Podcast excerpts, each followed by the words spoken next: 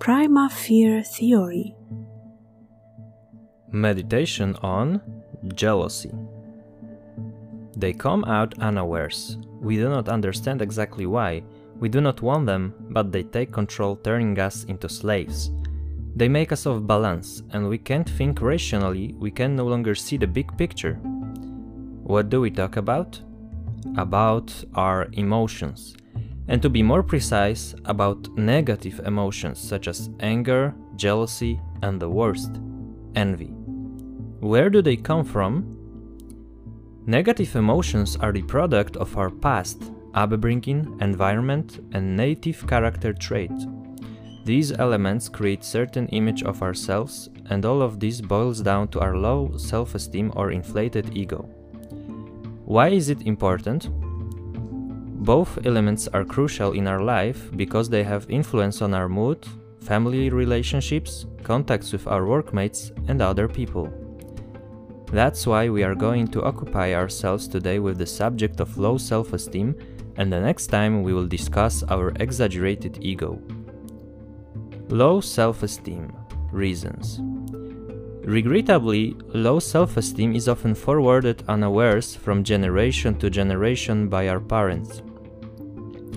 They were often victims of humiliating, maltreatment, abuse, and bullying. Even though they got over some of the things alone, they may still involuntarily transfer some of the bad behavior to us. How often have you heard in your life, You're so dumb, you're too clumsy, and so on? We treat it as something casual, we heard this so many times that we think it's normal, natural, but it's not.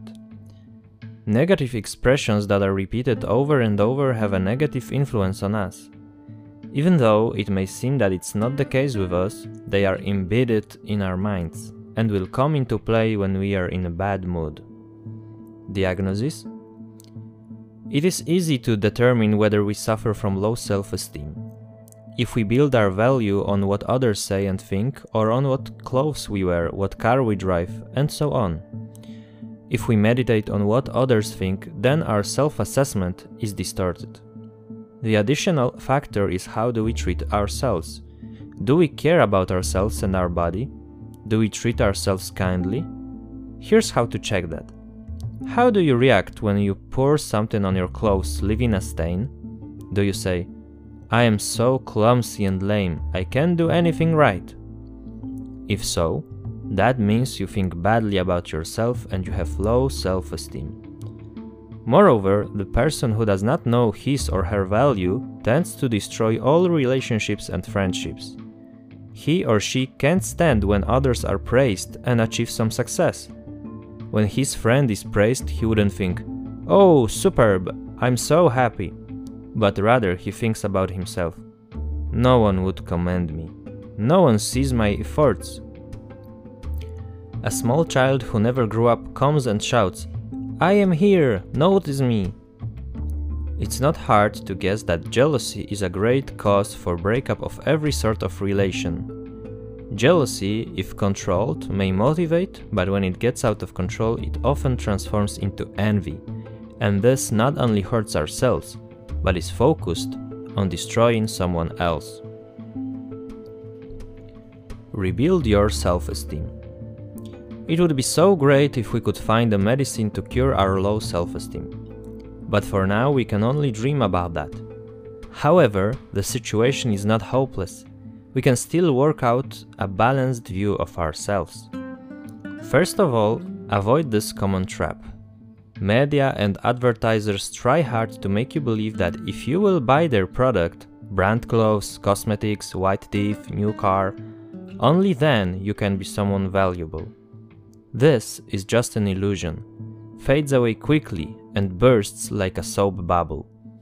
Wearing a nice outfit isn't wrong, it may grant us some self confidence and make us feel more comfortable, but it shouldn't have influence on our self assessment. Consequently, we can see that a balanced view of ourselves comes from within us and we have to create it in our mind. In order to do that, first of all you need to locate your weaker points and divide them into two groups. The ones you can change and the ones you can't do anything about. For example, your hangup may come from your poor reading or writing skills.